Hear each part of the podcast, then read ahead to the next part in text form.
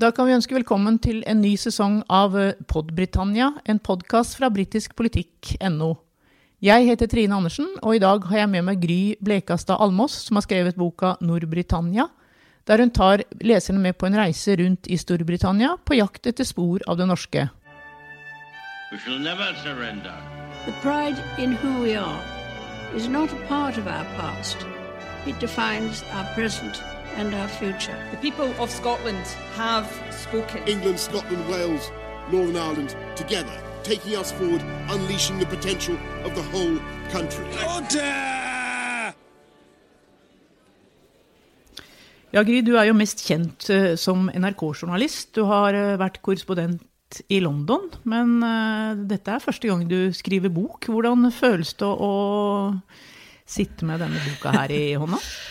Nei, det er jo skrekkblandet fryd på mange måter å nå endelig skulle få gitt boka ut. Eh, det er selvfølgelig en lang prosess som ligger bak eh, arbeidet med den. Men det å få den fysiske boka eh, i hendene er jo en litt sånn ubeskrivelig følelse, egentlig. Det er et veldig sånn konkret produkt av et mindre liksom, konkret arbeid på mange måter, da. En lang prosess, som sagt, men helt fantastisk gøy. Ja, og du har jo måttet vente litt ekstra lenge pga. korona nå, for denne boka skulle jo ha kommet i vår, men uh, som så mye annet så har den blitt utsatt. Ja, 29. mars var liksom den egentlige lanseringsdatoen, men uh, så kom koronaen, og så ble ting utsatt. Uh, så det er bare endelig, så får vi den ut nå. Men du, hvordan, hvordan fikk du ideen til å skrive denne boka?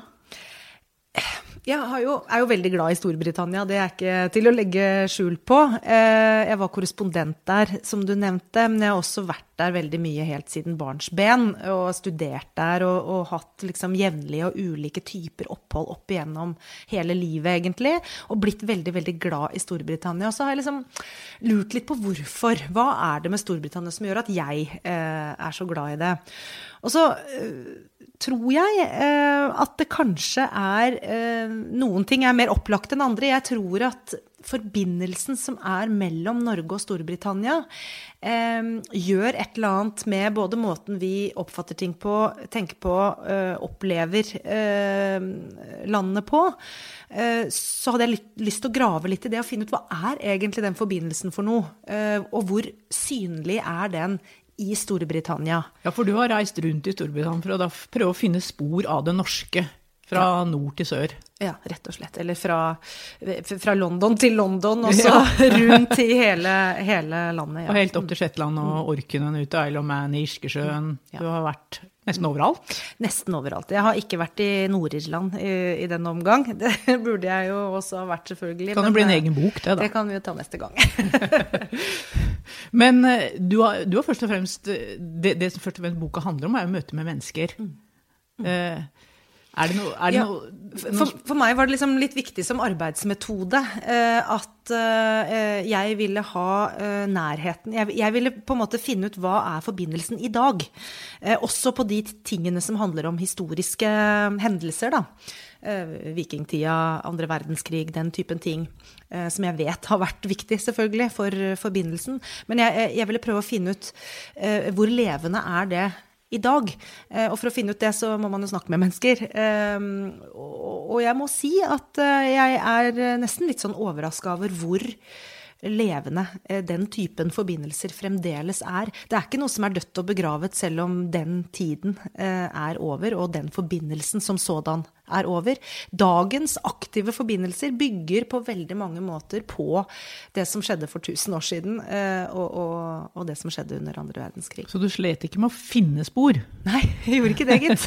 Var det litt motsatt? At du nesten fikk så mange historier at du måtte eh, sette deg ned og tenke at her må jeg kutte litt mer ned? Kanskje ja, egentlig ja, Det var litt både og. For det var noen ting som jeg fant mange historier, mange mennesker og mange spor etter. Og så var det andre ting hvor jeg måtte lete litt mer aktivt. Ehm, for eksempel ehm, så Det var jo viktig for meg at jeg ikke skrev om den samme typen forbindelser på hvert sted jeg reiste til. Altså, Vikingtiden det, kunne jeg jo ha skrevet om fra Shetlandsøyene, Orknøyene, Isle of Man. Ikke sant? Mange steder jeg kunne valgt å skrive den historien fra.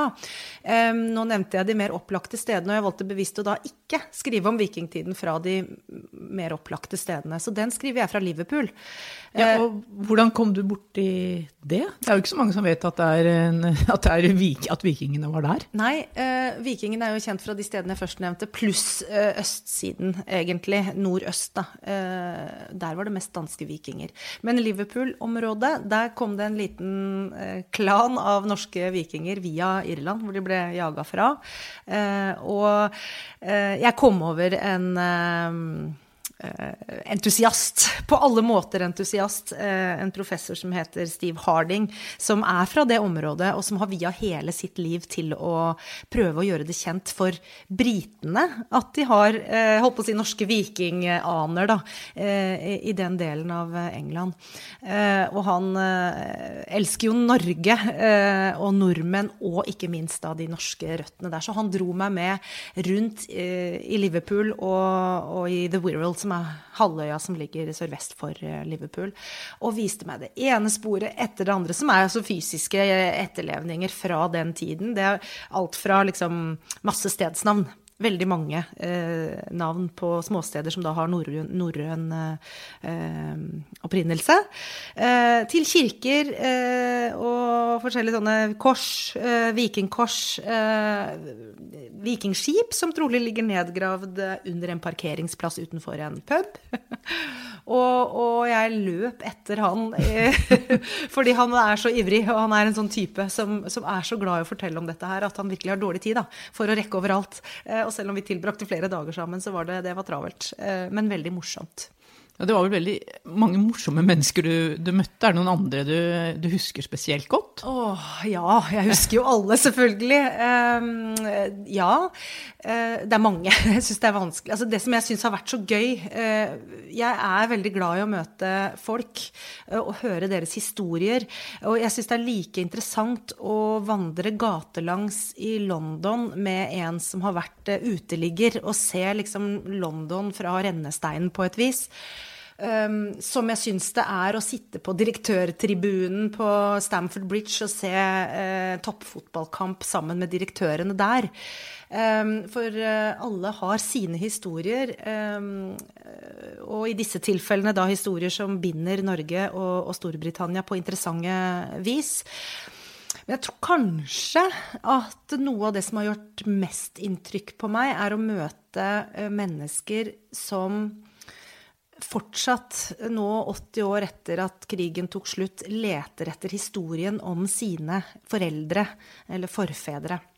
Fordi at andre verdenskrig eh, førte jo til at veldig mange nordmenn bodde lenge i Storbritannia, og det oppsto ekteskap og familier osv. Eh, som da eh, har ett ben i hvert land.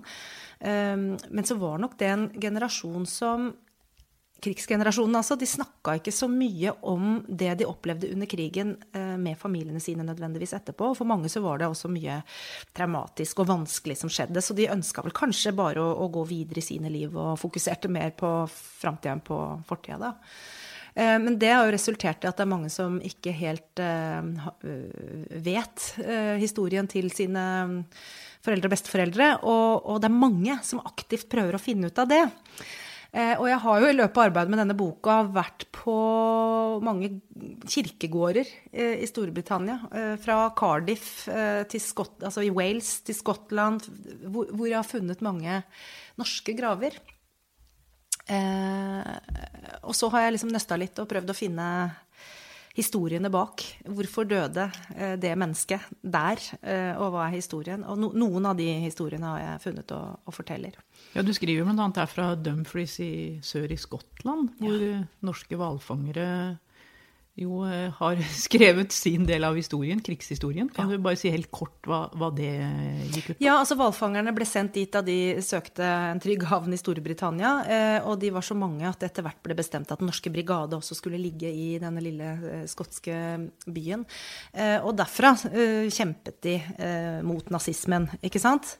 og det gjorde at veldig mange nordmenn da bodde over tid i denne lille byen og satte sitt veldig tydelige preg på den. Eh, så det fins mange eh, folk der som har norske forbindelser. Og som Eh, gjerne vil snakke med deg. og som, ja, og jeg, jeg traff opptil flere, men det var én som gjorde spesielt inntrykk, og som jeg forteller om i Nord-Britannia. fordi at han han har liksom jobba mye i senere år med å prøve å finne ut uh, hva som skjedde med faren hans, da. Som var en nordmann fra Haugesund, hvalfanger, som uh, kom til Dumfries, gifta seg med en skotsk dame og, og fikk uh, Erik, som han heter.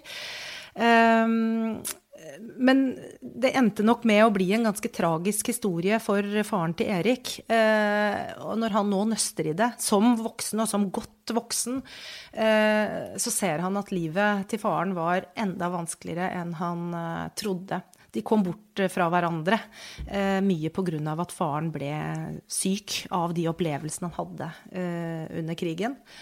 Um, og de levde da i hvert sitt land etter hvert, når faren dro tilbake igjen til Norge. Men prøvde å, faren prøvde å få tak i Erik på et tidspunkt da han var tidlig i 20-årene. Eh, men eh, Erik ville ikke den gang. Det var vanskelige ting, og det var også ting han ikke visste. Og i dag så angrer han nok litt på at han aldri traff faren sin igjen, for han døde eh, etter hvert. Og det er nå etter hans død at han begynner å finne mange av svarene på hvorfor faren var som han var, og hvorfor han ble så, så syk som han ble. Um, og, og nå leter han jo etter sine norske slektninger, for han er jo halvt norsk, selv om han da har bodd hele sitt liv i, i Skottland. Mm, Så det er mange skjebner du faktisk skriver om her, da. Ja, og jeg syns at veldig mange av de som eh, aktivt oppsøker eh, sine fedres, ofte, eh, historie de tydeliggjør for meg at de er ikke ferdig med det. Det er, selv om det er 80 år siden krigen eh, Siden krigen startet, jeg sa vel i stad sluttet. eh, I år er det det. 80 år siden krigen startet. Eh, så er man, ikke, man er ikke ferdig med det. Jeg tror Det preger generasjonene som kommer etterpå så mye. Og, og dermed er den forbindelsen fortsatt aktiv da, eh, mellom eh, Norge og Storbritannia. Og så er det jo veldig fysisk tydelig også. Jeg har gått opp noen av disse helt konkrete sporene. Jeg har sett mange minne, minnesmerker. Takknemligheten fra eh, Norge over at eh, nordmenn eh, fikk bo i Storbritannia og kjempe sin kamp, kamp derfra. Det fins mange spor etter det. Men du, nå har vi snakka litt om vikinger, og vi har snakka om uh, krigen. Men dette er jo ikke noen historiebok som, som sådan. Du skriver jo om ting som er veldig aktuelle i dag, og du besøker bl.a. Uh, oljehovedstaden Aberdeen. Europas uh, oljehovedstad kalles det gjerne. Um, Der bor det mye nordmenn. bor det veldig mye nordmenn. Eh, og det, selvfølgelig pga. oljesamarbeidet. Dette er også vennskapsbyen til Stavanger, som er liksom søster, søsterbyen på mange måter. Nært, tett uh, samarbeid mellom de to byene, og veldig mange nordmenn da som, som bor i Aberdeen, som er blitt en ganske sånn uh, rik by. Eh, ikke som kommune, for den er ganske fattig, og det har jo med hvordan, eh, hvordan de fordeler skattepenger osv. I, i Skottland. Eh, Men eh, det er blitt en rik by på mange måter, for, som har forandra seg helt, selvfølgelig, pga. oljen. Eh, Det var jo en ordentlig sliten, fattig by. eh, Veldig grå by. Veldig grå by. Den kalles jo Granittbyen. Um, men eh, grå på veldig mange måter, egentlig. Flott by i dag, altså. Uh, men den har stor fattigdom. Det stedet i Storbritannia med flest utedoer, altså hvor, hvor folk bodde ganske kummerlig da, og hvor folk flytta fra istedenfor å flytte til. Men etter at oljeeventyret starta, så er det jo blitt det motsatte. Folk kommer til Aberdeen. Veldig, veldig interessant by. Jeg gjør jo sånne typer beskrivelser. Ikke sant? Jeg reiser rundt i Storbritannia og, og beskriver det Storbritannia jeg ser i dag, og hvorfor de stedene er blitt som de er blitt. Altså, der ligger det mye britisk historie også. Ikke sant? Eh, Men så handler det om hvordan da Norge, eller nordmenn, har vært med på å prege de stedene. Um, så jeg i, besøker Equinor f.eks. i Aberdeen, men jeg er også ute på båtene, alle disse supply-båtene som reiser. eh, Det er jo et helt spesielt miljø, ikke sant. Um, med båtfolk da, som, som lever av å, å forsyne plattformene med ulike ting. Uh, og, og hvordan den bransjen også er veldig i, i endring. Det er kjempeinteressant. Og det er jo flere av disse aktive handelsforbindelsene som er eh, spesielt interessante nå, egentlig, når Storbritannia er på vei ut av EU. Full musikk. Vi er jo midt i, midt i eh, overgangsperioden nå. Ved nyttår så er de ute. Og, og de jobber jo nå med å få på plass de handelsavtalene som skal prege det fremtidige forholdet mellom EU og Storbritannia. Og parallelt pågår jo eh, handelssamtalene eh, med Norge. Ikke sant? Mm. Eh, hvor fiskeri er en kjempeviktig ting. Olje selvfølgelig, og energipolitikken i det hele tatt, og hvilket samarbeid man skal ha framover. Kjempeviktig. Fornybar energi er jo en, en, stor ting som Storbritannia skal lene seg mye på i framtida, og der er Norge en ganske viktig samarbeidspartner. Og for Norge så er jo Storbritannia vår aller største handelspartner. Så, så at de forhandlingene er viktige, og at handelsforbindelsene videre er er noe det satses på, er det jo ikke noe tvil om. Det blir spennende å se hvordan de blir seende ut. Jeg diskuterer det også litt. Jeg har snakka med folk om hva de tror, og hvordan de ser for seg at disse tingene kan, kan bli framover. Men der fins det jo ikke noe fasit ennå. Men nå sitter jo vi her midt under koronakrisen, og det er ikke så enkelt å, å, å reise til Storbritannia. Det får vi jo håpe at kommer til å endre seg snarest mulig. Men eh, det jeg tenkte da jeg leste denne boka, er at den kan jo også brukes som en guidebok. Tenkte du litt sånn da du skrev den også? Det er jo fine kart her, f.eks. Ja da. Uh, nei, jeg vel tenkte vel ikke så bevisst på det, i hvert fall ikke i starten. Da lette jeg etter historiene og menneskene uh, først og fremst. Uh, og svarene på de spørsmålene jeg hadde, ikke sant. Er, vi tydelige som nordmenn da, til stede i Storbritannia? Fordi at, tenk deg som Storbritannia, det store imperieriket, de har jo forbindelser til alle verdens land, omtrent.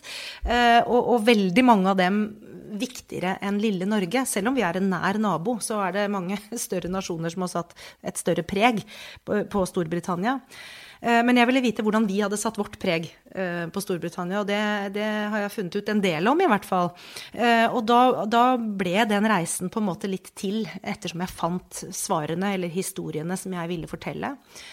Eh, men ja, kan, jeg tror også det, at den kan oppleves som en, en, slags eh, litterær reise, da, hvis man kan kalle det det, eh, gjennom Storbritannia. Man kommer til mange ulike steder, og for mange sikkert mer fremmede steder også.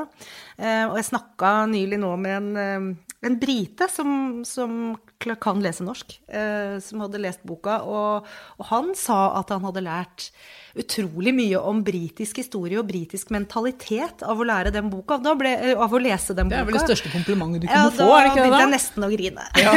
det syns jeg var utrolig hyggelig å høre. Ja.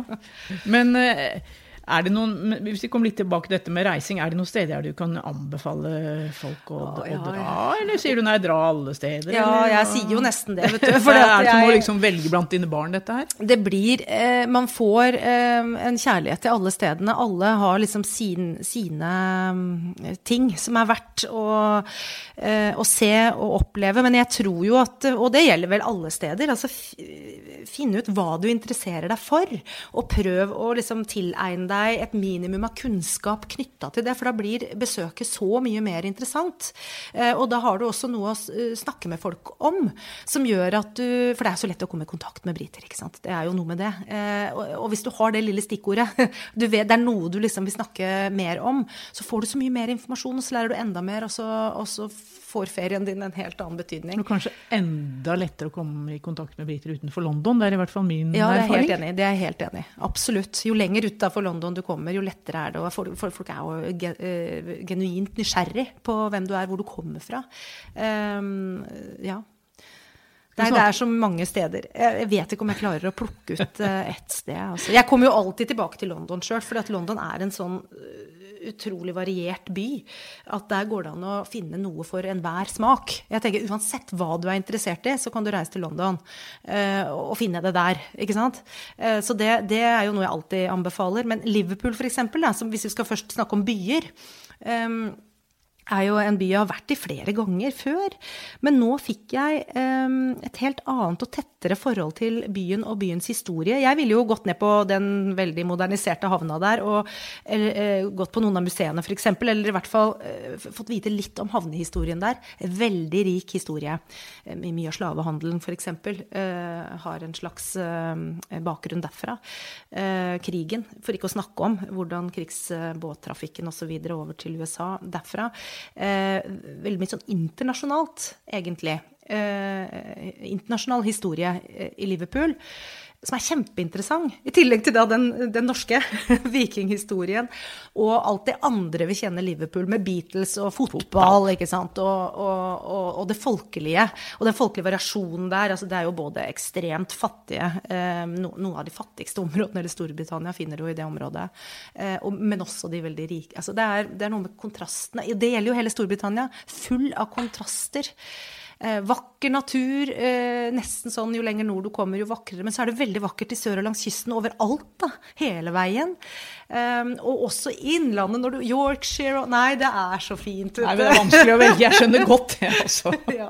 Men da skal vi ta turen til helt til slutt tilbake til, til, til London og til noe veldig mange nordmenn er opptatt av, nemlig fotball. Du skriver om fotball òg? Jeg skriver om fotball òg. Jeg kan jo ikke unngå det. For tenk deg hvor altså Det er jo nesten den moderne vikinginvasjonen av de britiske øyer. Det er jo alle nordmenn som reiser over for å se kamper. Og det har jo liksom tatt helt av. Folk reiser jo liksom eh, mange ganger i året for å se favorittlaget spille fotball. Og nordmenn har jo et sterkere forhold til britiske fotballag, særlig engelske fotballag, enn til norske klubber. Eh, så dette er et veldig aktivt eh, miljø da, blant disse supporterne som, som reiser og, og, går på kamp. Så det har jeg også gjort, for å si det sånn. Jeg har gått på kamp, og jeg har både i Liverpool og i, i London. Uh, har jeg gjort det. Og, og, det er også forskjell, ikke sant. Fordi at um, fordi mange drar til London uansett. Av andre grunner så har nok også fotballklubbene der et større preg av mer sånn generell eh, fotballturisme, hvis man kan kalle det det. Eh, hvor det ikke Altså, du har absolutt de som elsker eh, Arsenal, eller som elsker eh, Chelsea eller Fulham, men så har sine liksom, Tottenham, ikke minst, ikke sant, som har sine lag. Men du har også de som bare syns det er litt spennende å gå på eh, Premier League-kamper, og som da gjør det når de er i London. Men når du reiser til Liverpool eller reiser til Leeds da, eller sånne steder, så finner du virkelig sånn hardcore eh, fotballfans, blant de norske også. Og det har sine sider, det. Eh, ikke bare positivt eh, heller. Når du ser det kommer liksom svære flylass med eh, relativt da, eh, sett rike nordmenn inn i litt nedslitte og kanskje mer fattigslige britiske byer og tar for seg um, av både det ene og det andre, som ikke alltid er like sympatisk. Det handler ikke alltid bare om fotball, da. Men, men, men det, er, det, er, spennende. Det er kjempespennende. Bare helt, helt til slutt, Gry. Fant du flere eller færre spor etter det norske enn det du trodde da du startet? Jeg fant spor som jeg overhodet ikke forventa å finne. Um, Blant annet fant jeg det på Isle of Man.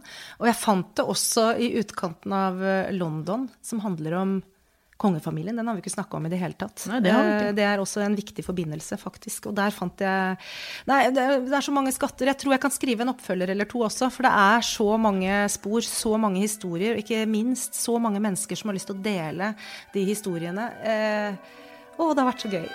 Jeg håper at de som leser det, også syns det er litt gøy. We shall never surrender. The pride in who we are is not a part of our past. It defines our present and our future. The people of Scotland have spoken. England, Scotland, Wales, Northern Ireland, together, taking us forward, unleashing the potential of the whole country. Order!